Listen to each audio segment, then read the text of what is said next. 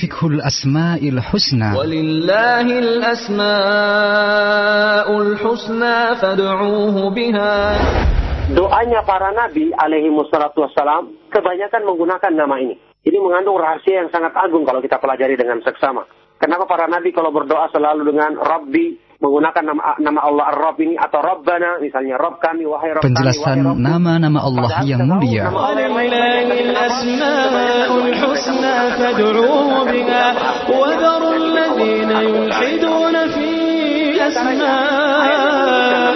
سيجزون ما كانوا يعملون Misalnya dalam surat Simaklah kajian fikih Asmaul Husna di setiap Kamis pagi pukul 5.30 waktu Indonesia Barat bersama Al-Ustaz Abdullah Taslim MA Hafirullah Ta'ala. Roja 756 kHz. Innalhamdulillah nahmaduhu wa nasta'inuhu wa nastaghfiruh wa na'udzu billahi min shururi anfusina wa min sayyiati a'malina. من يهده الله فلا مضل له ومن يضلل فلا هادي له وأشهد أن لا إله إلا الله وحده لا شريك له وأشهد أن محمدا عبده ورسوله. يا أيها الذين آمنوا اتقوا الله حق تقاته ولا تموتن إلا وأنتم مسلمون. يا أيها الناس اتقوا ربكم الذي خلقكم من نفس واحدة وخلق منها زوجها وبث منهما رجالا كثيرا ونساء. واتقوا الله الذي تساءلون به والأرحام.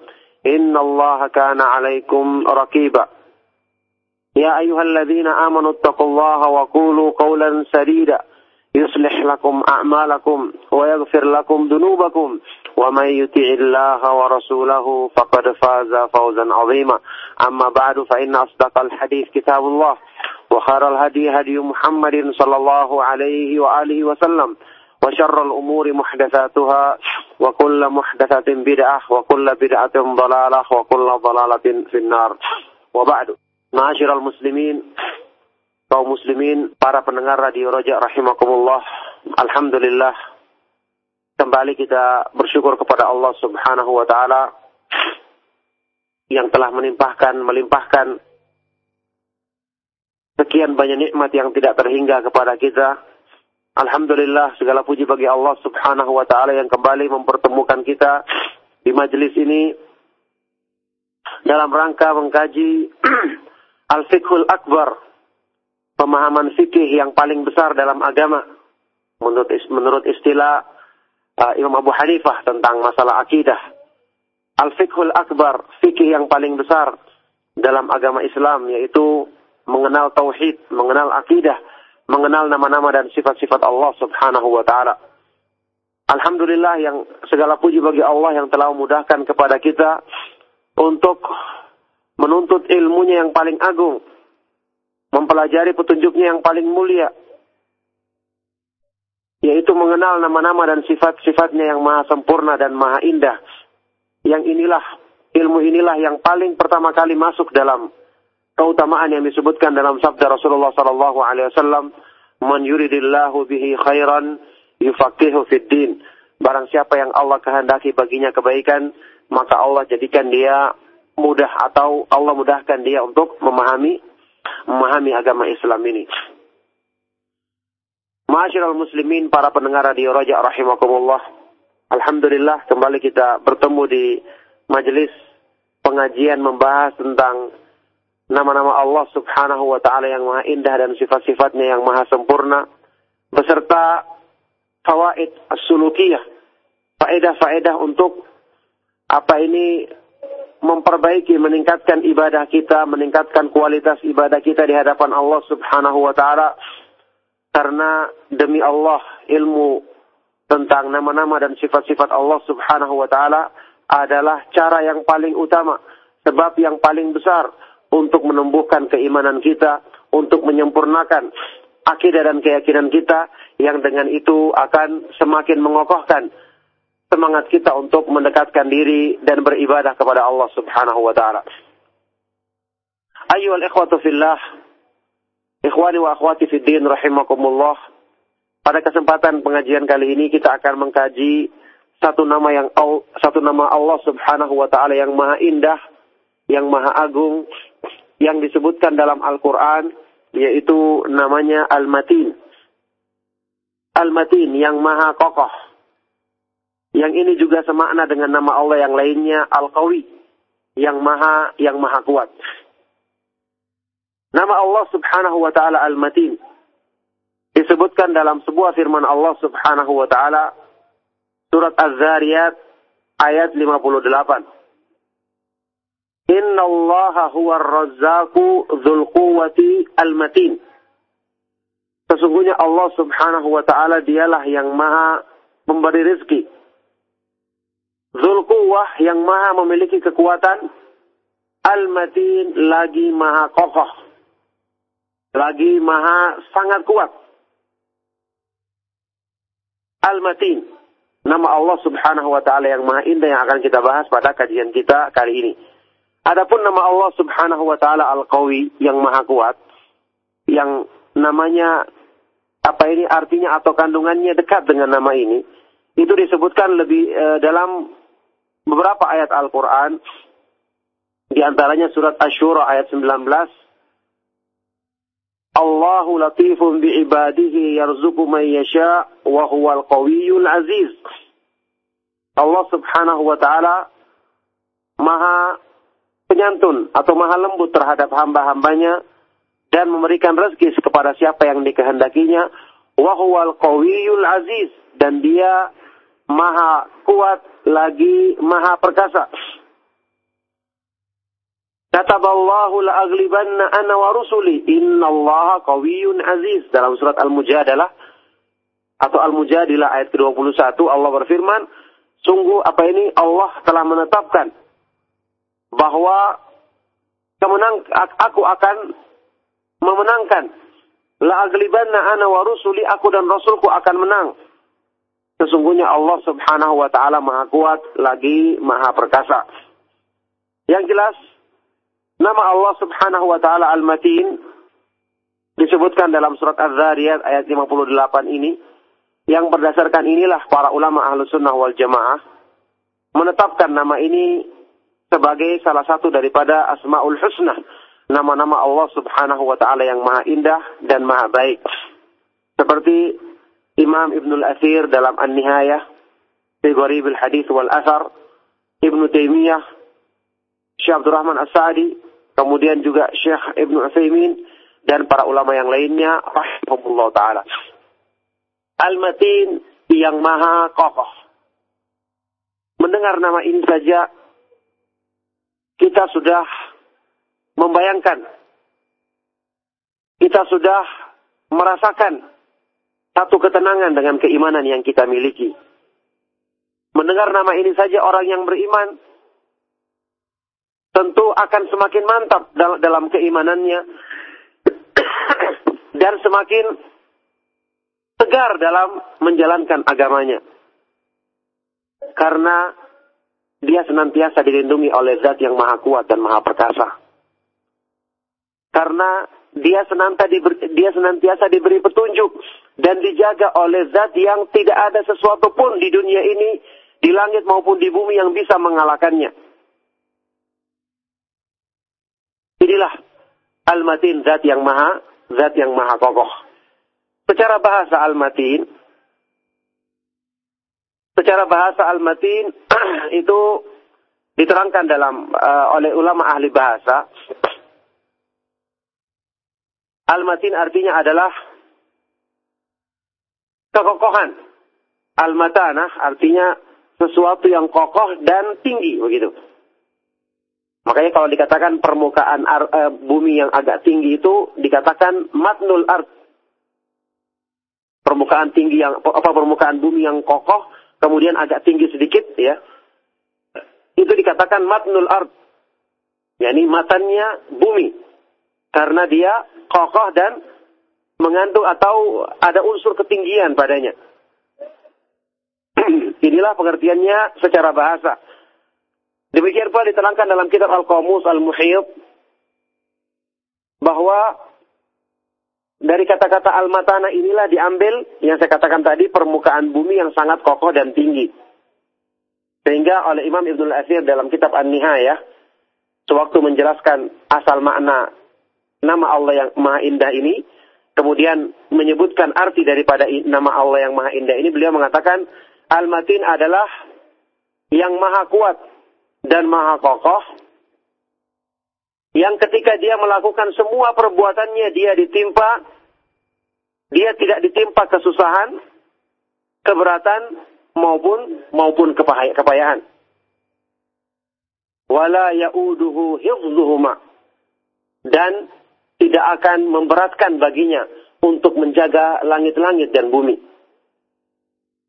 Walaqad khalaqna samawati wal arda wa ma bainahuma wa ma massana min lughub.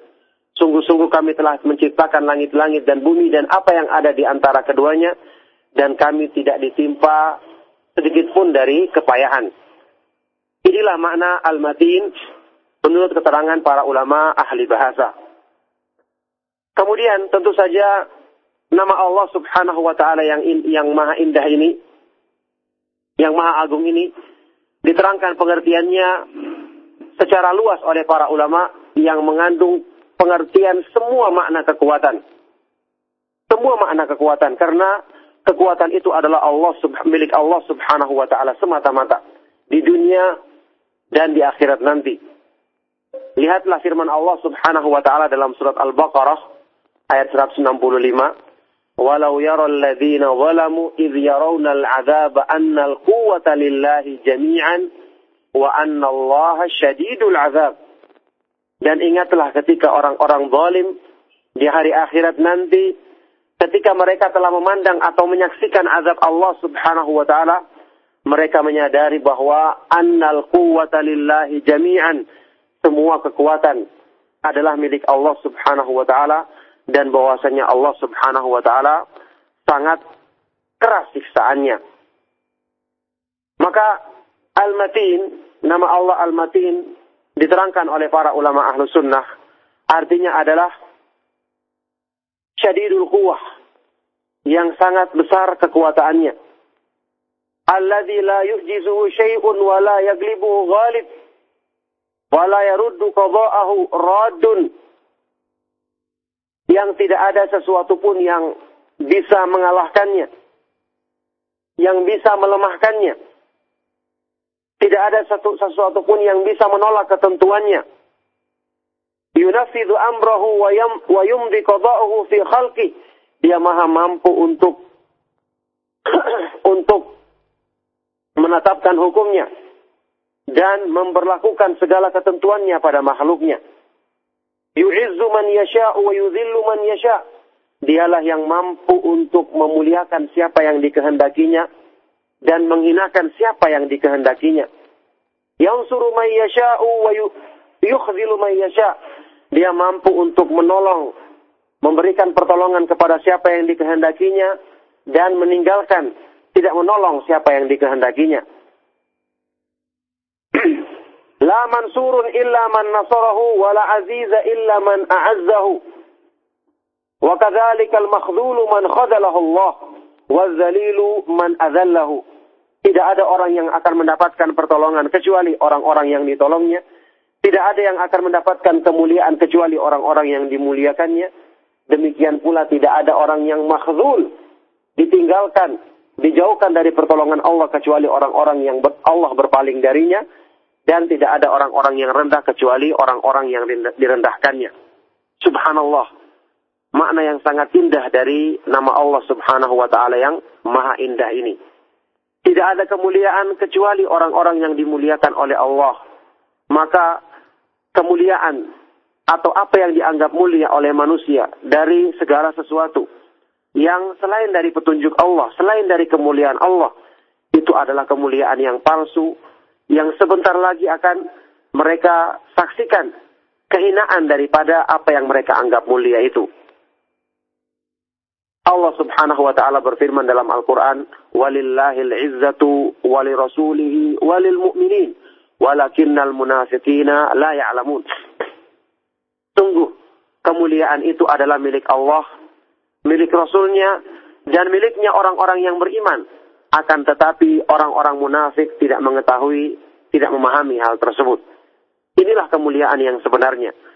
Maka berbahagialah dan merasa mulialah orang-orang yang diberikan kemuliaan yang hakiki oleh Allah Subhanahu wa taala.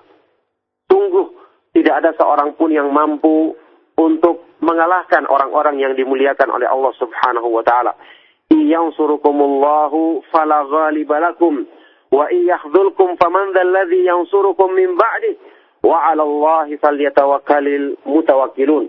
Demikian firman Allah dalam surat Ali Imran ayat 160. Jika Allah telah menolong kalian, maka tidak ada sesuatu pun, tidak ada seorang pun yang bisa mengalahkanmu. Tapi jika Allah telah meninggalkan dan tidak menolongmu, maka siapakah yang dapat menolongmu setelah Allah Subhanahu wa taala selain Allah Subhanahu wa taala? Maka oleh karena itu hendaknya orang-orang yang beriman hanya bertawakal kepadanya. Subhanallah, siapa yang kemudian merasa berkecil hati dengan adanya ayat ini? Dengan adanya janji yang agung dari zat yang maha kuat ini. Siapa yang kemudian merasa malu dengan keimanannya, merasa risih dengan keimanannya, merasa rendah dengan berpegangnya dia dengan agama Allah Subhanahu wa taala. Bukankah ayat ini merupakan sebaik-baik motivasi untuk membuat jiwa kita tegar, membuat kita semakin mantap berpegang dengan agamanya. Karena yang melindungi kita atau yang menjanjikan kekuatan bagi kita adalah zat yang maha kuat yang padanya lah semua semua apa ini apa ini semua macam dan semua bentuk kekuatan. Dan siapakah yang kemudian merasa hina dengan kemuliaan yang Allah Subhanahu wa taala berikan kepadanya? Yang Allah Subhanahu wa taala janjikan kemuliaan tersebut hanya pada orang-orang yang beriman. Oleh karena itu, tidak ada yang mulia kecuali orang-orang yang Allah muliakan. Dan oleh karena dan oleh karena itulah orang yang beriman yang berpegang dengan agamanya jangan merasa hina. Wala tahinu wala tahzanu wa antumul a'launa in kuntum mu'minin Janganlah kamu merasa lemah, dan janganlah kamu bersedih hati, sedangkan kamu adalah orang-orang yang paling mulia, orang-orang yang paling tinggi dengan syarat apa? In kuntum mu'minin, jika kalian benar-benar beriman. Maka ini kebanggaan yang tinggi, kebanggaan yang besar. Allah Subhanahu wa taala memuliakan orang-orang yang pantas dimuliakannya, maka wajib bagi mereka untuk merasa bangga dengan kemuliaan tersebut. Allah berfirman dalam Al-Qur'an, Qul bifadlillahi wa birahmatihi fabidzalika falyafrahu huwa khairun mimma yajma'un. Katakanlah dengan karunia dari Allah dan dengan rahmatnya maka dengan itulah hendaknya mereka berbangga karena itu semua lebih baik daripada kemewahan dunia yang dihimpunkan oleh manusia. Lihatlah Allah memerintahkan orang-orang yang beriman untuk berbangga dengan karunia Allah dan rahmatnya, yaitu iman dan Al-Quran. Artinya adalah maknanya iman dan Al-Quran, yaitu kembali kepada apa? Ilmu yang bermanfaat dan amalan soleh. Diperintahkan kita untuk merasa merasa mulia dengan dua hal ini. Sampai-sampai Ibnu Qayyim sewaktu menerangkan tentang ayat ini, beliau mengatakan, Laulam yakun fi fadlil ilmi illa hadhil ayatu, lakafa biha syarafan wa fadla. Seandainya tidak ada dalil yang menerangkan tentang keutamaan, tentang keutamaan memahami agama Allah dan mengamalkannya, kecuali ayat ini saja, maka cukuplah ini sebagai keagungan, sebagai keagungan dan kemuliaan.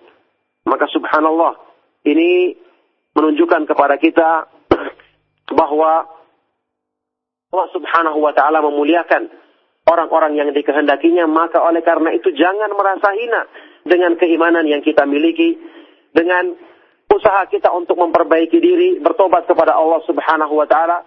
Karena hanya orang-orang yang tidak berimanlah yang berpaling dari semua kemuliaan yang Allah Subhanahu wa taala janjikan kepada hamba-hambanya. Ini makna yang diterangkan oleh para ulama tentang nama Allah Subhanahu wa taala yang Maha Indah ini yaitu Al-Matin. Kemudian penjabaran daripada nama Allah yang Maha Indah ini lebih lanjut, seperti yang diterangkan oleh para ulama, adalah bukti-bukti kekuatan dan kemaha perkasaan Allah Subhanahu wa taala di alam semesta ini.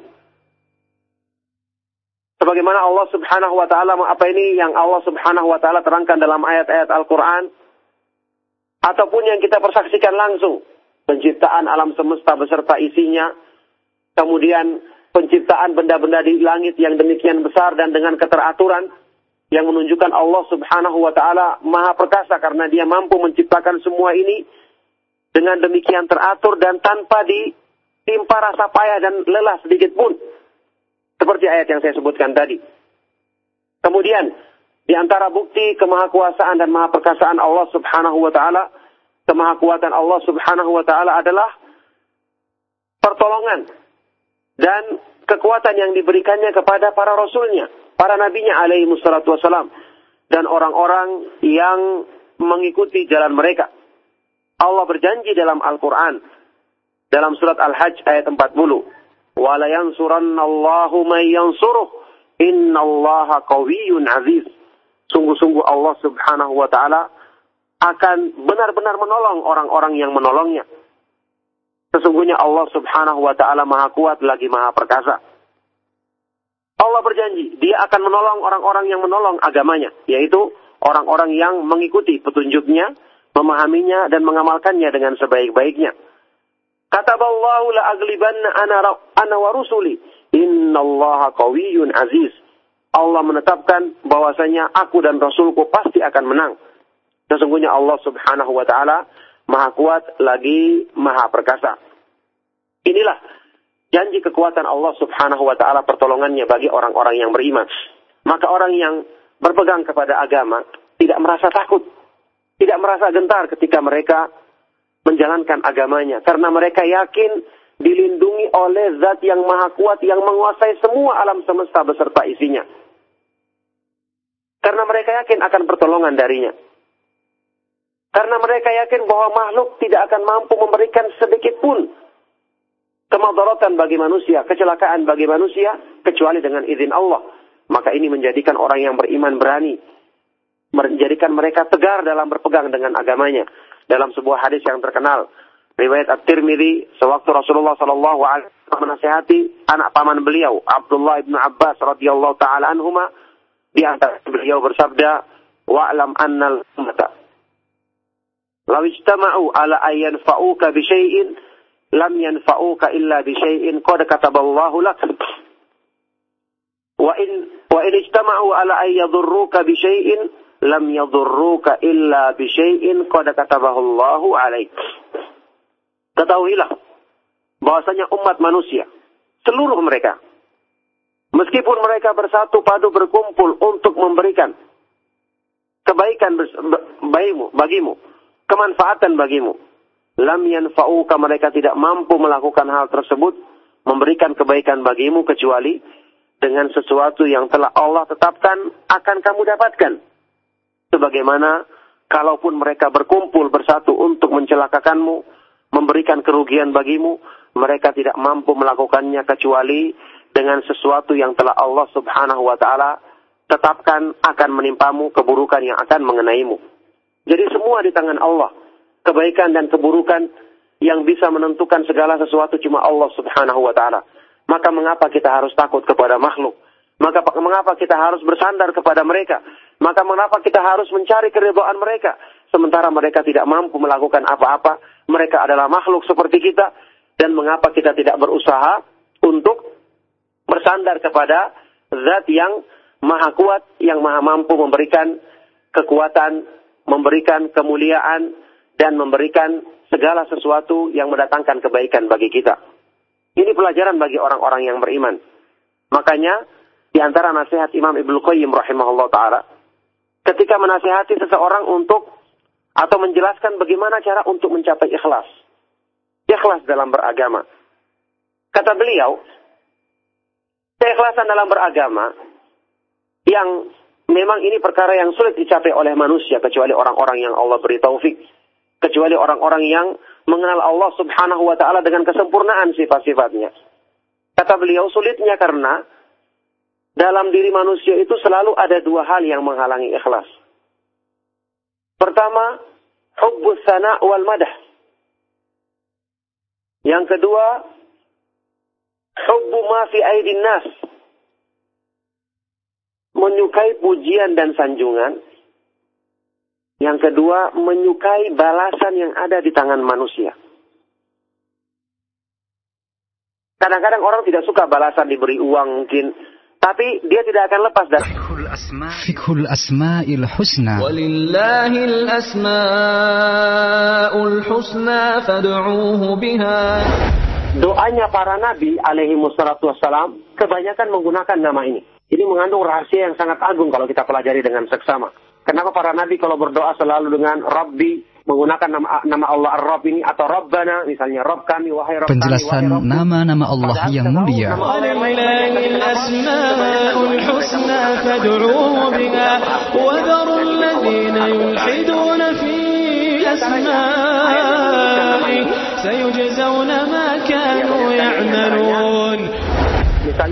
Simaklah kajian fikih Asmaul Husna. Fikhul Asma'il Husna. Walillahil Asma'ul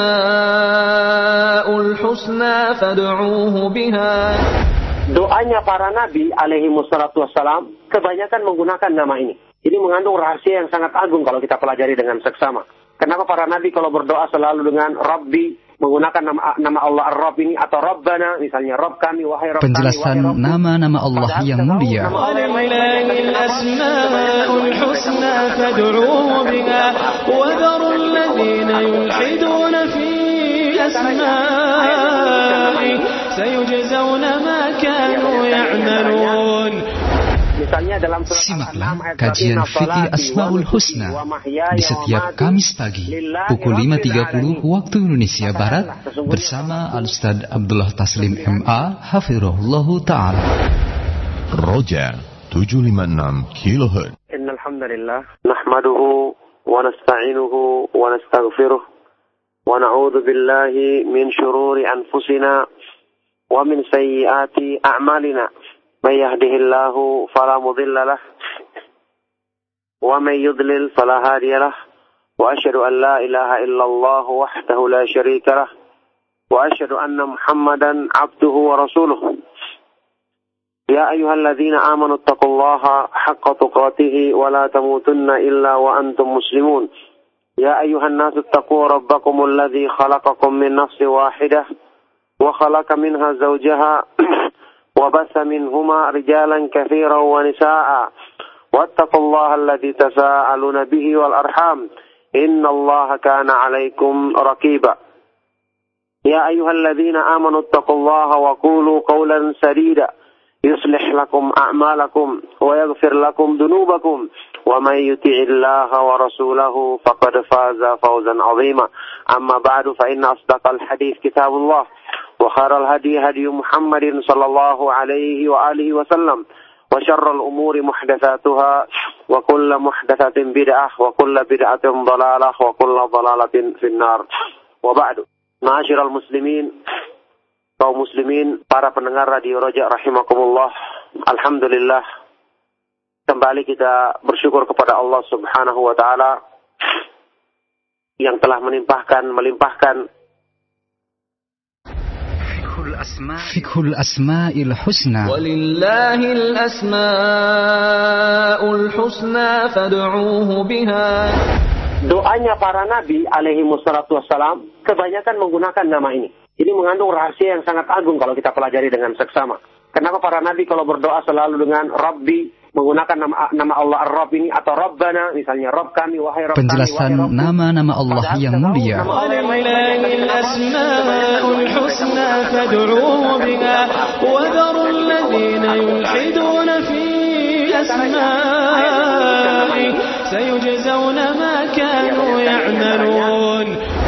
Misalnya dalam surat Simaklah Al-An'am ayat kajian 36, fikih "Salati Asmaul wa Husna nusuki wa mahyaya di wa setiap mamati Kamis pagi lillahi pukul rabbil 5.30 alamin." waktu Indonesia Barat bersama Al-Ustaz Abdullah Taslim MA Hafirullah Ta'ala Roja 756 kHz إن الحمد لله نحمده ونستعينه ونستغفره ونعوذ بالله من شرور أنفسنا ومن سيئات أعمالنا من يهده الله فلا مضل له ومن يضلل فلا هادي له وأشهد أن لا إله إلا الله وحده لا شريك له وأشهد أن محمدا عبده ورسوله. يا أيها الذين آمنوا اتقوا الله حق تقاته ولا تموتن إلا وأنتم مسلمون. يا أيها الناس اتقوا ربكم الذي خلقكم من نفس واحدة وخلق منها زوجها وبث منهما رجالا كثيرا ونساء. واتقوا الله الذي تساءلون به والأرحام. إن الله كان عليكم رقيبا. يا أيها الذين آمنوا اتقوا الله وقولوا قولا سديدا. يصلح لكم أعمالكم ويغفر لكم ذنوبكم. ومن يطع الله ورسوله فقد فاز فوزا عظيما. أما بعد فإن أصدق الحديث كتاب الله. وخير الهدي هدي محمد صلى الله عليه وآله وسلم وشر الأمور محدثاتها وكل محدثة بدعة وكل بدعة ضلالة وكل ضلالة في النار وبعد معاشر المسلمين kaum muslimin, para pendengar Radio Roja rahimakumullah. Alhamdulillah kembali kita bersyukur kepada Allah Subhanahu wa taala yang telah menimpahkan melimpahkan sekian banyak nikmat yang tidak terhingga kepada kita. Alhamdulillah segala puji bagi Allah Subhanahu wa taala yang kembali mempertemukan kita di majelis ini dalam rangka mengkaji Al-Fiqhul Akbar pemahaman fikih yang paling besar dalam agama menurut menurut istilah uh, Imam Abu Hanifah tentang masalah akidah. Al-fiqhul akbar, fikih yang paling besar dalam agama Islam yaitu mengenal tauhid, mengenal akidah, mengenal nama-nama dan sifat-sifat Allah Subhanahu wa taala. Alhamdulillah yang segala puji bagi Allah yang telah memudahkan kepada kita untuk menuntut ilmunya yang paling agung mempelajari petunjuknya yang paling mulia, yaitu mengenal nama-nama dan sifat-sifatnya yang maha sempurna dan maha indah. Yang inilah, ilmu inilah yang paling pertama kali masuk dalam keutamaan yang disebutkan dalam sabda Rasulullah sallallahu alaihi wasallam, "Man yuridillahu bihi khairan yufaqihu fid din." Barang siapa yang Allah kehendaki baginya kebaikan, maka Allah jadikan dia mudah atau Allah mudahkan dia untuk memahami memahami agama Islam ini. Masyarul muslimin, para pendengar radio Raja rahimakumullah. Alhamdulillah kembali kita bertemu di majelis pengajian membahas tentang nama-nama Allah Subhanahu wa taala yang maha indah dan sifat-sifatnya yang maha sempurna beserta fawaid as-sulukiyah, faedah-faedah untuk apa ini memperbaiki, meningkatkan ibadah kita, meningkatkan kualitas ibadah kita di hadapan Allah Subhanahu wa taala. Karena demi Allah ilmu tentang nama-nama dan sifat-sifat Allah Subhanahu wa taala adalah cara yang paling utama, sebab yang paling besar untuk menumbuhkan keimanan kita, untuk menyempurnakan akidah dan keyakinan kita yang dengan itu akan semakin mengokohkan semangat kita untuk فقه الأسماء الحسنى ولله الأسماء الحسنى فادعوه بها Doanya para nabi alaihi wassalatu wassalam kebanyakan menggunakan nama ini. Ini mengandung rahasia yang sangat agung kalau kita pelajari dengan seksama. Kenapa para nabi kalau berdoa selalu dengan Rabbi menggunakan nama, nama Allah Ar-Rabb ini atau Rabbana misalnya Rabb kami wahai Rabb Penjelasan nama-nama Allah yang mulia. -nama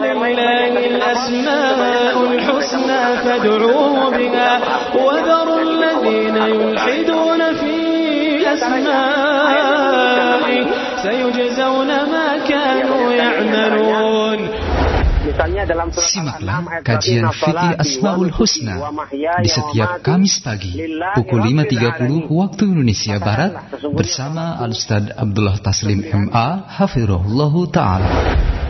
Roja 756 kHz. Innalhamdulillah nahmaduhu wa nasta'inuhu wa nastaghfiruh wa na'udzu billahi min syururi anfusina wa min sayyiati a'malina. من يهده الله فلا مضل له ومن يضلل فلا هادي له وأشهد أن لا إله إلا الله وحده لا شريك له وأشهد أن محمدا عبده ورسوله. يا أيها الذين آمنوا اتقوا الله حق تقاته ولا تموتن إلا وأنتم مسلمون. يا أيها الناس اتقوا ربكم الذي خلقكم من نفس واحدة وخلق منها زوجها وبث منهما رجالا كثيرا ونساء. واتقوا الله الذي تساءلون به والأرحام. إن الله كان عليكم رقيبا. يا أيها الذين آمنوا اتقوا الله وقولوا قولا سديدا. يصلح لكم أعمالكم ويغفر لكم ذنوبكم.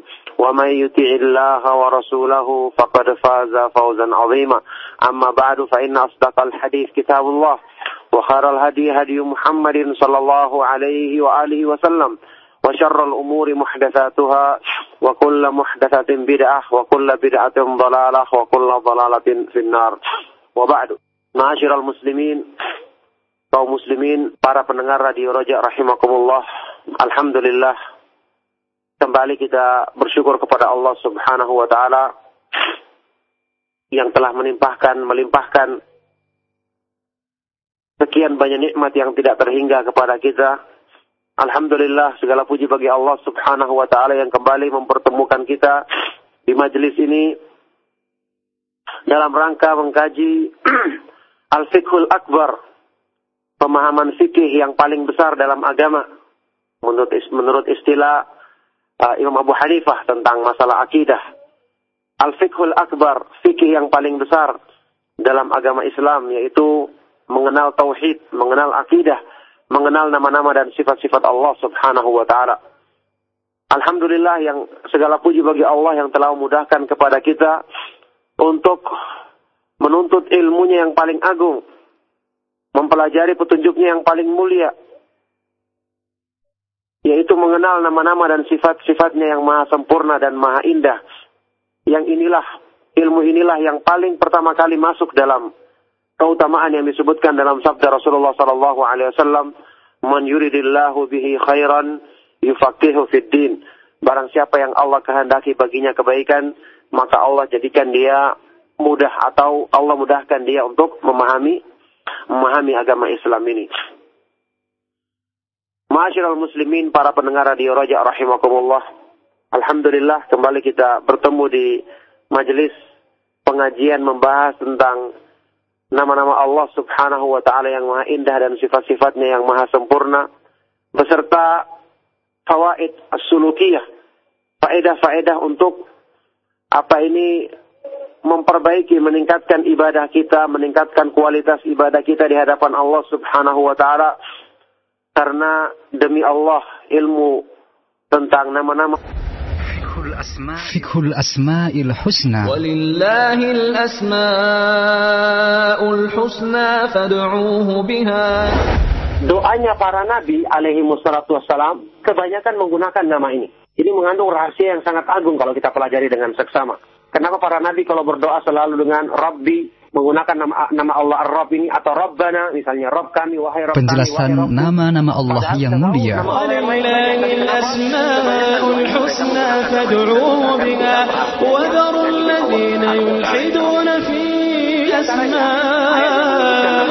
سيجزون ما كانوا يعملون Misalnya dalam Simaklah kajian fikih Asmaul Husna di setiap Kamis pagi pukul 5.30 waktu Indonesia Barat bersama Al-Ustaz Abdullah Taslim MA Hafirullah Ta'ala. Roja 756 kHz. Innalhamdulillah nahmaduhu wa nasta'inuhu wa nastaghfiruh wa na'udzu billahi min syururi anfusina wa min sayyiati a'malina. من يهده الله فلا مضل له ومن يضلل فلا هادي له وأشهد أن لا إله إلا الله وحده لا شريك له وأشهد أن محمدا عبده ورسوله. يا أيها الذين آمنوا اتقوا الله حق تقاته ولا تموتن إلا وأنتم مسلمون. يا أيها الناس اتقوا ربكم الذي خلقكم من نفس واحدة وخلق منها زوجها وبث منهما رجالا كثيرا ونساء. واتقوا الله الذي تساءلون به والأرحام. إن الله كان عليكم رقيبا. يا أيها الذين آمنوا اتقوا الله وقولوا قولا سديدا. يصلح لكم أعمالكم ويغفر لكم ذنوبكم. ومن يطع الله ورسوله فقد فاز فوزا عظيما. أما بعد فإن أصدق الحديث كتاب الله. وخير الهدي هدي محمد صلى الله عليه وآله وسلم وشر الأمور محدثاتها وكل محدثة بدعة وكل بدعة ضلالة وكل ضلالة في النار وبعد معاشر المسلمين kaum muslimin, para pendengar Radio Roja rahimakumullah. Alhamdulillah kembali kita bersyukur kepada Allah Subhanahu wa taala yang telah menimpahkan melimpahkan sekian banyak nikmat yang tidak terhingga kepada kita Alhamdulillah segala puji bagi Allah Subhanahu wa taala yang kembali mempertemukan kita di majelis ini dalam rangka mengkaji Al-Fiqhul Akbar, pemahaman fikih yang paling besar dalam agama. Menurut menurut istilah uh, Imam Abu Hanifah tentang masalah akidah. Al-Fiqhul Akbar, fikih yang paling besar dalam agama Islam yaitu mengenal tauhid, mengenal akidah mengenal nama-nama dan sifat-sifat Allah Subhanahu wa taala. Alhamdulillah yang segala puji bagi Allah yang telah memudahkan kepada kita untuk menuntut ilmunya yang paling agung, mempelajari petunjuknya yang paling mulia, yaitu mengenal nama-nama dan sifat-sifatnya yang maha sempurna dan maha indah. Yang inilah, ilmu inilah yang paling pertama kali masuk dalam keutamaan yang disebutkan dalam sabda Rasulullah sallallahu alaihi wasallam, "Man yuridillahu bihi khairan yufaqihu fid din." Barang yang Allah kehendaki baginya kebaikan, maka Allah jadikan dia mudah atau Allah mudahkan dia untuk memahami memahami agama Islam ini. Ma'asyiral muslimin, para pendengar radio Raja rahimakumullah. Alhamdulillah kembali kita bertemu di majelis pengajian membahas tentang nama-nama Allah Subhanahu wa taala yang maha indah dan sifat-sifatnya yang maha sempurna beserta fawaid as-sulukiyah faedah-faedah untuk apa ini memperbaiki meningkatkan ibadah kita meningkatkan kualitas ibadah kita di hadapan Allah Subhanahu wa taala. Karena demi Allah ilmu tentang nama-nama dan sifat-sifat Allah Subhanahu wa taala adalah cara yang paling utama sebab yang paling besar untuk menumbuhkan keimanan kita, untuk menyempurnakan akidah dan keyakinan kita yang dengan itu akan semakin mengokohkan semangat kita untuk mendekatkan diri dan beribadah kepada Allah Subhanahu wa taala. Ayyuhal ikhwatu fillah, ikhwani wa akhwati fid din rahimakumullah. Pada kesempatan pengajian kali ini kita akan mengkaji satu nama yang satu nama Allah Subhanahu wa taala yang maha indah, yang maha agung, yang disebutkan dalam Al-Quran yaitu namanya Al-Matin. Al-Matin yang maha kokoh. Yang ini juga semakna dengan nama Allah yang lainnya Al-Qawi. Yang maha yang maha kuat. Nama Allah subhanahu wa ta'ala Al-Matin. Disebutkan dalam sebuah firman Allah subhanahu wa ta'ala. Surat Az-Zariyat ayat 58. Inna Allah huwa razzaku dhul quwati al-matin. Sesungguhnya Allah subhanahu wa ta'ala dialah yang maha memberi rezeki. Dhul quwah yang maha memiliki kekuatan. Al-matin lagi maha kokoh. Lagi maha sangat kuat. Al-matin. Nama Allah subhanahu wa ta'ala yang maha indah yang akan kita bahas pada kajian kita kali ini. Adapun nama Allah Subhanahu wa taala Al-Qawi yang maha kuat yang namanya apa ini artinya atau kandungannya dekat dengan nama ini itu disebutkan lebih e, dalam beberapa ayat Al-Qur'an. Di antaranya surat Asy-Syura ayat 19 Allahu latifun bi ibadihi yarzuqu man yasha wa huwal qawiyyul aziz. Allah Subhanahu wa taala Maha penyantun atau maha lembut terhadap hamba-hambanya dan memberikan rezeki kepada siapa yang dikehendakinya.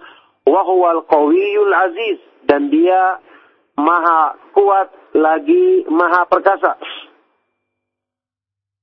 Kataballahu la'aglibanna ana wa rusuli innallaha aziz dalam surat Al-Mujadalah atau Al-Mujadilah ayat ke-21 Allah berfirman sungguh apa ini Allah telah menetapkan bahwa kemenang aku akan memenangkan la aglibanna ana wa rusuli aku dan rasulku akan menang Sesungguhnya Allah subhanahu wa ta'ala maha kuat lagi maha perkasa.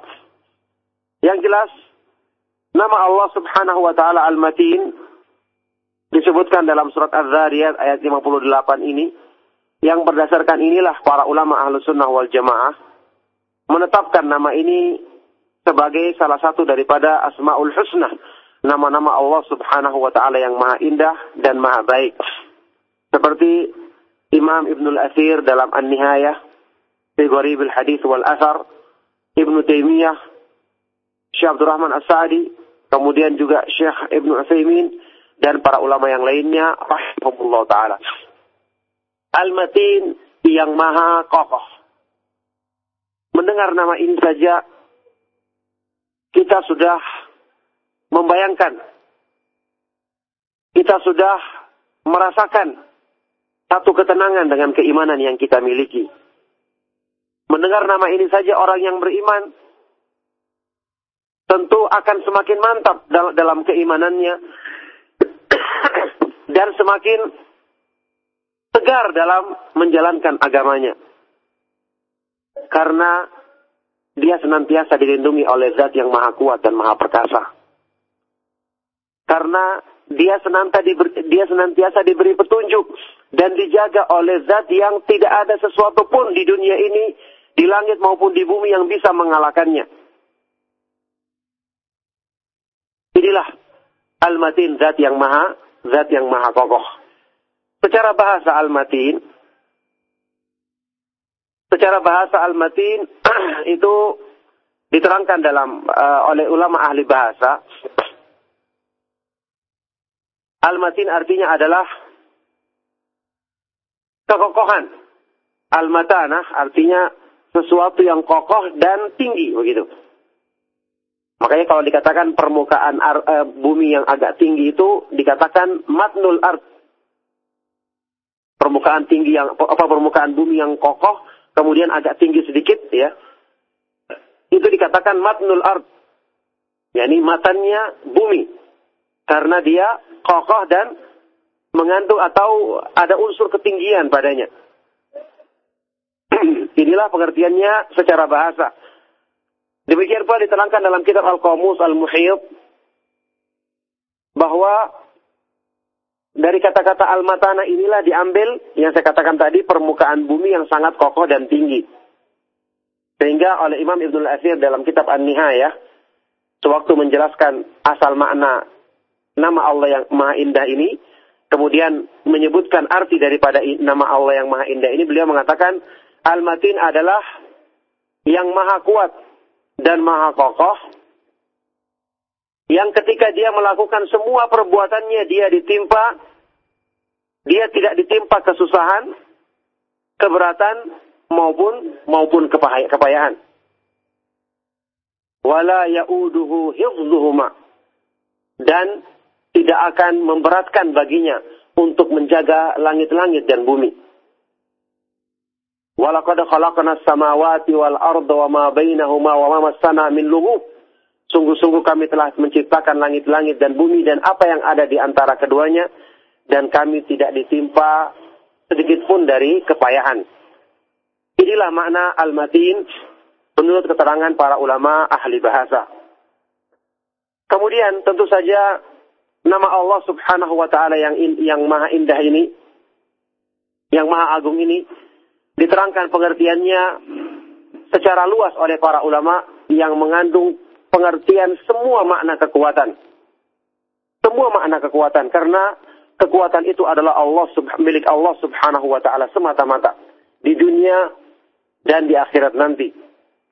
Lihatlah firman Allah Subhanahu wa taala dalam surat Al-Baqarah ayat 165 ولو يرى الذين ظلموا إذ يرون العذاب أن القوة لله جميعا وأن الله شديد العذاب dan ingatlah ketika orang-orang zalim di hari akhirat nanti ketika mereka telah memandang atau menyaksikan azab Allah Subhanahu wa taala mereka menyadari bahwa annal quwwata lillahi jami'an semua kekuatan adalah milik Allah Subhanahu wa taala dan bahwasanya Allah Subhanahu wa taala sangat keras siksaannya. Maka Al-Matin, nama Allah Al-Matin diterangkan oleh para ulama ahlu sunnah. Artinya adalah syadidul quwah. Yang sangat besar kekuatannya. Alladhi la yu'jizuhu syai'un wa la yaglibuhu ghalib. Wa la yaruddu qada'ahu raddun. Yang tidak ada sesuatu pun yang bisa mengalahkannya. Yang bisa melemahkannya tidak ada satu sesuatu pun yang bisa menolak ketentuannya.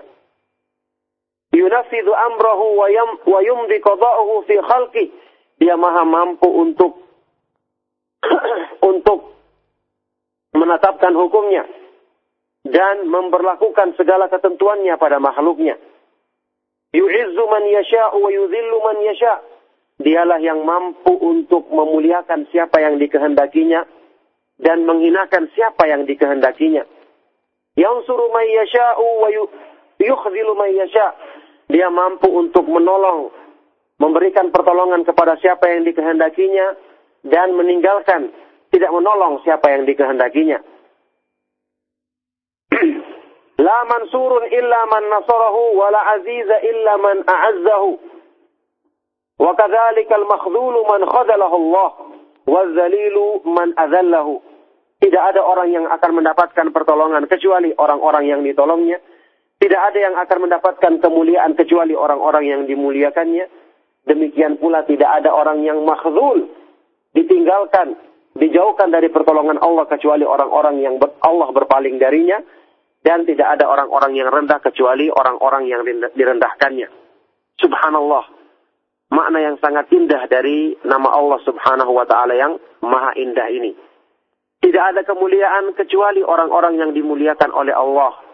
Maka kemuliaan atau apa yang dianggap mulia oleh manusia dari segala sesuatu yang selain dari petunjuk Allah, selain dari kemuliaan Allah, itu adalah kemuliaan yang palsu yang sebentar lagi akan mereka saksikan kehinaan daripada apa yang mereka anggap mulia itu. Allah Subhanahu wa taala berfirman dalam Al-Qur'an, "Walillahil 'izzatu wa lirasulihi wa lil mu'minin, walakinnal munafiqina la ya'lamun." Sungguh kemuliaan itu adalah milik Allah, milik Rasulnya, dan miliknya orang-orang yang beriman. Akan tetapi orang-orang munafik tidak mengetahui, tidak memahami hal tersebut. Inilah kemuliaan yang sebenarnya. Maka berbahagialah dan merasa mulialah orang-orang yang diberikan kemuliaan yang hakiki oleh Allah Subhanahu wa taala. Sungguh tidak ada seorang pun yang mampu untuk mengalahkan orang-orang yang dimuliakan oleh Allah Subhanahu wa taala. Iyansurukumullahu fala ghaliba lakum wa iyakhdzulkum faman dzalladzi yansurukum min ba'di wa 'ala Allahi falyatawakkalul mutawakkilun. Demikian firman Allah dalam surat Ali Imran ayat 160. Jika Allah telah menolong kalian, maka tidak ada sesuatu pun, tidak ada seorang pun yang bisa mengalahkanmu. Tapi jika Allah telah meninggalkan dan tidak menolongmu, maka siapakah yang dapat menolongmu setelah Allah Subhanahu wa taala selain Allah Subhanahu wa taala? Maka oleh karena itu hendaknya orang-orang yang beriman hanya bertawakal kepadanya. Subhanallah, siapa yang kemudian merasa berkecil hati dengan adanya ayat ini? Dengan adanya janji yang agung dari zat yang maha kuat ini. Siapa yang kemudian merasa malu dengan keimanannya, merasa risih dengan keimanannya, merasa rendah dengan berpegangnya dia dengan agama Allah Subhanahu wa taala. Bukankah ayat ini merupakan sebaik-baik motivasi untuk membuat jiwa kita tegar, membuat kita semakin mantap berpegang dengan agamanya. Karena yang melindungi kita atau yang menjanjikan kekuatan bagi kita adalah zat yang maha kuat yang padanya lah semua semua apa ini apa ini semua macam dan semua bentuk kekuatan. Dan siapakah yang kemudian merasa hina dengan kemuliaan yang Allah Subhanahu wa taala berikan kepadanya? Yang Allah Subhanahu wa taala janjikan kemuliaan tersebut hanya pada orang-orang yang beriman. Oleh karena itu, tidak ada yang mulia kecuali orang-orang yang Allah muliakan dan oleh karena dan oleh karena itulah orang yang beriman yang berpegang dengan agamanya jangan merasa hina wala tahinu wala tahzanu wa antumul a'launa in kuntum mu'minin janganlah kamu merasa lemah dan janganlah kamu bersedih hati sedangkan kamu adalah orang-orang yang paling mulia, orang-orang yang paling tinggi dengan syarat apa? In kuntum mu'minin, jika kalian benar-benar beriman. Maka ini kebanggaan yang tinggi, kebanggaan yang besar. Allah Subhanahu wa taala memuliakan orang-orang yang pantas dimuliakannya, maka wajib bagi mereka untuk merasa bangga dengan kemuliaan tersebut. Allah berfirman dalam Al-Qur'an, "Qul bi fadlillahi wa bi rahmatihi fabidzalika falyafrahu huwa khairun mimma yajma'un." Katakanlah, dengan karunia dari Allah dan dengan rahmatnya, maka dengan itulah hendaknya mereka berbangga. Karena itu semua lebih baik daripada kemewahan dunia yang dihimpunkan oleh manusia. Lihatlah, Allah memerintahkan orang-orang yang beriman untuk berbangga dengan karunia Allah dan rahmatnya. Yaitu iman dan Al-Quran. Artinya adalah maknanya iman dan Al-Quran. Yaitu kembali kepada apa? Ilmu yang bermanfaat dan amalan soleh. Diperintahkan kita untuk merasa merasa mulia dengan dua hal ini. Sampai-sampai Ibnu Qayyim sewaktu menerangkan tentang ayat ini beliau mengatakan, "Laulam yakun fi fadlil ilmi illa hadhil ayatu lakafa biha syarafan wa fadla." Seandainya tidak ada dalil yang menerangkan tentang keutamaan tentang keutamaan memahami agama Allah dan mengamalkannya kecuali ayat ini saja maka cukuplah ini sebagai keagungan sebagai keagungan dan kemuliaan maka subhanallah ini menunjukkan ke Fikhul Asma'il Husna Walillahil Asma'ul Husna fad'uuhu biha Doanya para nabi alaihi wassalatu wassalam kebanyakan menggunakan nama ini. Ini mengandung rahasia yang sangat agung kalau kita pelajari dengan seksama. Kenapa para nabi kalau berdoa selalu dengan Rabbi menggunakan nama nama Allah Ar-Rabb ini atau Rabbana misalnya Rabb kami wahai Rabb Penjelasan nama-nama Allah yang mulia.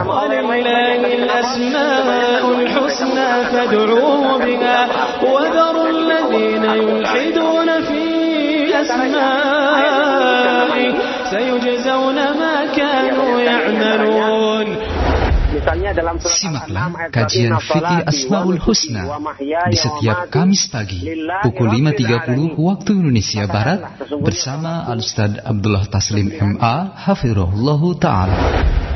Roja 756 kHz. Innalhamdulillah nahmaduhu wa nasta'inuhu wa nastaghfiruh wa na'udzu billahi min shururi anfusina wa min sayyiati a'malina. من يهده الله فلا مضل له ومن يضلل فلا هادي له وأشهد أن لا إله إلا الله وحده لا شريك له وأشهد أن محمدا عبده ورسوله. يا أيها الذين آمنوا اتقوا الله حق تقاته ولا تموتن إلا وأنتم مسلمون. يا أيها الناس اتقوا ربكم الذي خلقكم من نفس واحدة وخلق منها زوجها وبث منهما رجالا كثيرا ونساء. واتقوا الله الذي تساءلون به والأرحام. إن الله كان عليكم رقيبا.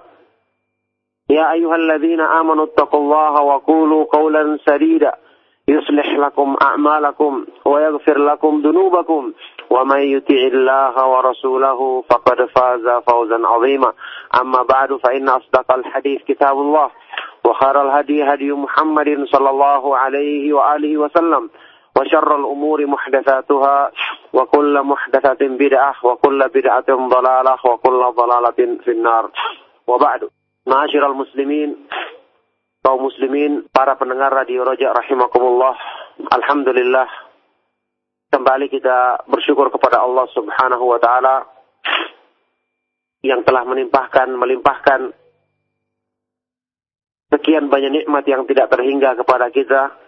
Alhamdulillah segala puji bagi Allah Subhanahu wa taala yang kembali mempertemukan kita di majelis ini dalam rangka mengkaji Al-Fiqhul Akbar pemahaman fikih yang paling besar dalam agama menurut menurut istilah uh, Imam Abu Hanifah tentang masalah akidah.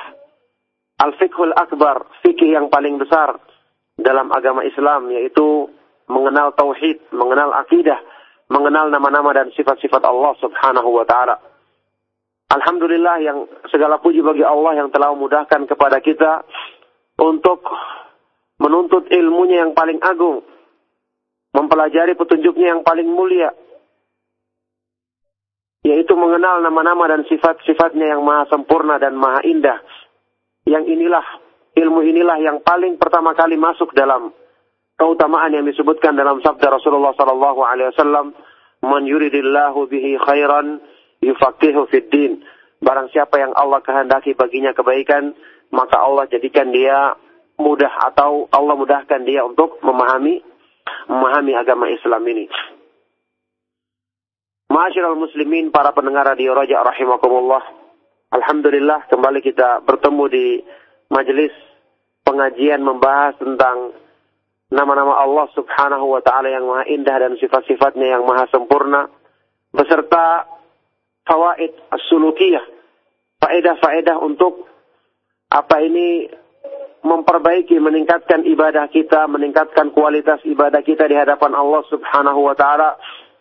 Karena demi Allah ilmu tentang nama-nama dan sifat-sifat Allah Subhanahu wa taala adalah cara yang paling utama, sebab yang paling besar untuk menumbuhkan keimanan kita, untuk menyempurnakan akidah dan keyakinan kita yang dengan itu akan semakin mengokohkan semangat kita untuk mendekatkan diri dan beribadah kepada Allah Subhanahu wa taala. Ayyuhal ikhwatu fillah, ikhwani wa akhwati fid din rahimakumullah. Pada kesempatan pengajian kali ini kita akan mengkaji satu nama yang satu nama Allah Subhanahu wa taala yang maha indah, yang maha agung yang disebutkan dalam Al-Qur'an yaitu namanya Al-Matin. Al-Matin yang maha kokoh. Yang ini juga semakna dengan nama Allah yang lainnya Al-Qawi, yang maha yang maha kuat. Nama Allah Subhanahu wa taala Al-Matin disebutkan dalam sebuah firman Allah Subhanahu wa taala surat Az-Zariyat ayat 58. Inna Allah huwa ar-razzaqu dzul quwwati al-matin. Sesungguhnya Allah Subhanahu wa taala dialah yang maha memberi rezeki. Zulkuwah yang maha memiliki kekuatan. Al-Matin lagi maha kokoh. Lagi maha sangat kuat. Al-Matin. Nama Allah subhanahu wa ta'ala yang maha indah yang akan kita bahas pada kajian kita kali ini. Adapun nama Allah subhanahu wa ta'ala Al-Qawi yang maha kuat. Yang namanya apa ini artinya atau kandungannya dekat dengan nama ini. Itu disebutkan lebih e, dalam beberapa ayat Al-Quran. Di antaranya surat Ashura ayat 19 Allahu latifun bi'ibadihi yarzuqu man yasha wa huwal qawiyyul aziz. Allah Subhanahu wa taala Maha penyantun atau Maha lembut terhadap hamba-hambanya dan memberikan rezeki kepada siapa yang dikehendakinya wa huwal qawiyyul aziz dan dia Maha kuat lagi Maha perkasa. Kataballahu la'aglibanna ana wa rusuli. Innallaha qawiyyun aziz. Dalam surat Al-Mujadalah atau Al-Mujadilah ayat ke-21 Allah berfirman, sungguh apa ini Allah telah menetapkan bahwa kemenang aku akan memenangkan la'aglibanna ana wa rusuli aku dan rasulku akan menang. Sesungguhnya Allah Subhanahu wa taala Maha kuat lagi Maha perkasa. Yang jelas Nama Allah Subhanahu wa taala Al-Matin disebutkan dalam surat Az-Zariyat ayat 58 ini yang berdasarkan inilah para ulama ahlu sunnah wal jamaah menetapkan nama ini sebagai salah satu daripada asmaul husna nama-nama Allah subhanahu wa ta'ala yang maha indah dan maha baik seperti Imam Ibnul Athir dalam An-Nihayah fi Gharib al-Hadith wal Athar Ibnu Taimiyah Syekh Abdul Rahman As-Sa'di kemudian juga Syekh Ibnu Utsaimin dan para ulama yang lainnya rahimahullah taala. Al-Matin yang maha kokoh. Mendengar nama ini saja kita sudah membayangkan kita sudah merasakan satu ketenangan dengan keimanan yang kita miliki. Mendengar nama ini saja orang yang beriman tentu akan semakin mantap dalam keimanannya dan semakin tegar dalam menjalankan agamanya. Karena dia senantiasa dilindungi oleh zat yang maha kuat dan maha perkasa. Karena dia senantiasa diberi, dia senantiasa diberi petunjuk dan dijaga oleh zat yang tidak ada sesuatu pun di dunia ini, di langit maupun di bumi yang bisa mengalahkannya. Inilah Al-Matin, zat yang maha, zat yang maha kokoh. Secara bahasa Al-Matin, secara bahasa Al-Matin itu diterangkan dalam uh, oleh ulama ahli bahasa. Al-Matin artinya adalah kekokohan. Al-Matanah artinya sesuatu yang kokoh dan tinggi begitu. Makanya kalau dikatakan permukaan ar, uh, bumi yang agak tinggi itu dikatakan matnul art. Permukaan tinggi yang apa permukaan bumi yang kokoh kemudian agak tinggi sedikit ya. Itu dikatakan matnul ard. yakni matanya bumi. Karena dia kokoh dan mengandung atau ada unsur ketinggian padanya. Inilah pengertiannya secara bahasa. Demikian pula diterangkan dalam kitab Al-Qamus Al-Muhyib bahwa dari kata-kata al-matana inilah diambil yang saya katakan tadi permukaan bumi yang sangat kokoh dan tinggi. Sehingga oleh Imam Ibnul Asir dalam kitab An-Nihayah sewaktu menjelaskan asal makna nama Allah yang Maha Indah ini, kemudian menyebutkan arti daripada nama Allah yang Maha Indah ini, beliau mengatakan Al-Matin adalah yang maha kuat dan maha kokoh yang ketika dia melakukan semua perbuatannya dia ditimpa, dia tidak ditimpa kesusahan, keberatan maupun maupun kepayahan. Wala yauduhu hifdhuhuma. Dan tidak akan memberatkan baginya untuk menjaga langit-langit dan bumi. Walaqad khalaqna samawati wal arda wa ma bainahuma wa ma massana min lughub Sungguh-sungguh kami telah menciptakan langit-langit dan bumi dan apa yang ada di antara keduanya dan kami tidak ditimpa sedikit pun dari kepayahan. Inilah makna al-matin menurut keterangan para ulama ahli bahasa.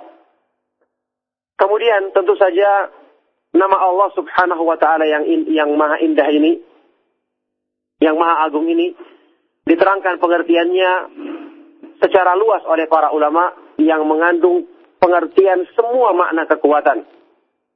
Semua makna kekuatan karena kekuatan itu adalah Allah milik Allah Subhanahu wa taala semata-mata di dunia dan di akhirat nanti. Lihatlah firman Allah Subhanahu wa taala dalam surat Al-Baqarah ayat 165.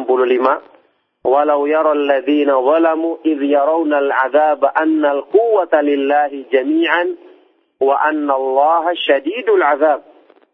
Dan ingatlah ketika orang-orang zalim di hari akhirat nanti ketika mereka telah memandang atau menyaksikan azab Allah Subhanahu wa taala mereka menyadari bahwa annal quwwata lillahi jami'an semua kekuatan adalah milik Allah Subhanahu wa taala dan bahwasanya Allah Subhanahu wa taala sangat keras siksaannya.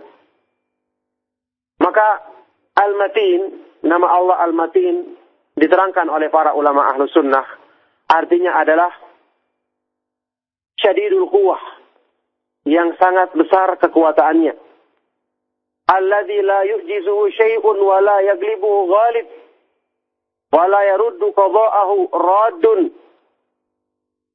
yang tidak ada sesuatu pun yang bisa mengalahkannya yang bisa melemahkannya tidak ada satu sesuatu pun yang bisa menolak ketentuannya. Yunafidhu amrahu wa yumdi qada'uhu fi khalqi. Dia maha mampu untuk untuk menetapkan hukumnya dan memperlakukan segala ketentuannya pada makhluknya. Yu'izzu man yasha'u wa yudhillu man yasha'. Dialah yang mampu untuk memuliakan siapa yang dikehendakinya dan menghinakan siapa yang dikehendakinya. Yang suruh yasha'u wa yukhzilu may dia mampu untuk menolong, memberikan pertolongan kepada siapa yang dikehendakinya, dan meninggalkan, tidak menolong siapa yang dikehendakinya. La mansurun illa man nasarahu wa la aziza illa man a'azzahu. Wa kadzalika al-makhdhulu man khadalahu Allah wa man adzallahu. Tidak ada orang yang akan mendapatkan pertolongan kecuali orang-orang yang ditolongnya. Tidak ada yang akan mendapatkan kemuliaan kecuali orang-orang yang dimuliakannya. Demikian pula tidak ada orang yang makhdhul, ditinggalkan, dijauhkan dari pertolongan Allah kecuali orang-orang yang Allah berpaling darinya dan tidak ada orang-orang yang rendah kecuali orang-orang yang direndahkannya. Subhanallah. Makna yang sangat indah dari nama Allah Subhanahu wa taala yang maha indah ini. Tidak ada kemuliaan kecuali orang-orang yang dimuliakan oleh Allah. Maka kemuliaan atau apa yang dianggap mulia oleh manusia dari segala sesuatu yang selain dari petunjuk Allah, selain dari kemuliaan Allah, itu adalah kemuliaan yang palsu, yang sebentar lagi akan mereka saksikan kehinaan daripada apa yang mereka anggap mulia itu. Allah Subhanahu wa taala berfirman dalam Al-Qur'an, "Walillahil 'izzatu walirasulihi walil mu'minin, walakinnal munafiqina la ya'lamun." Sungguh kemuliaan itu adalah milik Allah, milik Rasulnya, dan miliknya orang-orang yang beriman. Akan tetapi orang-orang munafik tidak mengetahui, tidak memahami hal tersebut. Inilah kemuliaan yang sebenarnya. Maka berbahagialah dan merasa mulialah orang-orang yang diberikan kemuliaan yang hakiki oleh Allah Subhanahu wa taala. Tunggu tidak ada seorang pun yang mampu untuk mengalahkan orang-orang yang dimuliakan oleh Allah Subhanahu wa taala. Iyansurukumullahu fala ghaliba Wa iyakhzulkum faman dzalladzi yansurukum min ba'di wa 'ala Allahi falyatawakkalul mutawakkilun. Demikian firman Allah dalam surat Ali Imran ayat 160. Jika Allah telah menolong kalian, maka tidak ada sesuatu pun, tidak ada seorang pun yang bisa mengalahkanmu. Tapi jika Allah telah meninggalkan dan tidak menolongmu, maka siapakah yang dapat menolongmu setelah Allah Subhanahu wa taala, selain Allah Subhanahu wa taala? Maka oleh karena itu hendaknya orang-orang yang beriman hanya bertawakal kepadanya. Subhanallah, siapa yang kemudian merasa berkecil hati dengan adanya ayat ini, dengan adanya janji yang agung dari zat yang maha kuat ini. Siapa yang kemudian merasa malu dengan keimanannya, merasa risih dengan keimanannya, merasa rendah dengan berpegangnya dia dengan agama Allah Subhanahu wa taala. Bukankah ayat ini merupakan sebaik-baik motivasi untuk membuat jiwa kita tegar, membuat kita semakin mantap berpegang dengan agamanya. Karena yang melindungi kita atau yang menjanjikan kekuatan bagi kita adalah zat yang maha kuat yang padanya lah semua semua apa ini apa ini semua macam dan semua bentuk kekuatan. Dan siapakah yang kemudian merasa hina dengan kemuliaan yang Allah Subhanahu wa taala berikan kepadanya? Yang Allah Subhanahu wa taala janjikan kemuliaan tersebut hanya pada orang-orang yang beriman. Oleh karena itu, tidak ada yang mulia kecuali orang-orang yang Allah muliakan. Dan oleh karena dan oleh karena itulah orang yang beriman, yang berpegang dengan agamanya, jangan merasa hina. Wala tahinu wala tahzanu wa antumul a'launa in kuntum mu'minin. Janganlah kamu merasa lemah dan janganlah kamu bersedih hati sedangkan kamu adalah orang-orang yang paling mulia, orang-orang yang paling tinggi dengan syarat apa? In kuntum mu'minin, jika kalian benar-benar beriman. Maka ini kebanggaan yang tinggi, kebanggaan yang besar. Allah Subhanahu wa taala memuliakan orang-orang yang pantas dimuliakannya, maka wajib bagi mereka untuk merasa bangga dengan kemuliaan tersebut. Allah berfirman dalam Al-Qur'an, "Qul bi fadlillahi wa bi rahmatihi fabidzalika falyafrahu huwa khairun mimma yajma'un." Katakanlah, dengan karunia dari Allah dan dengan rahmatnya, maka dengan itulah hendaknya mereka berbangga. Karena itu semua lebih baik daripada kemewahan dunia yang dihimpunkan oleh manusia. Lihatlah, Allah memerintahkan orang-orang yang beriman untuk berbangga dengan karunia Allah dan rahmatnya. Yaitu iman dan Al-Quran. Artinya adalah maknanya iman dan Al-Quran. Yaitu kembali kepada apa? Ilmu yang bermanfaat dan amalan soleh. Diperintahkan kita untuk merasa merasa mulia dengan dua hal ini. Sampai-sampai Ibnu Qayyim sewaktu menerangkan tentang ayat ini beliau mengatakan, "Laulam yakun fi fadlil ilmi illa hadhil ayatu lakafa biha syarafan wa fadla." Seandainya tidak ada dalil yang menerangkan tentang keutamaan tentang keutamaan memahami agama Allah dan mengamalkannya kecuali ayat ini saja maka cukuplah ini sebagai keagungan sebagai keagungan dan kemuliaan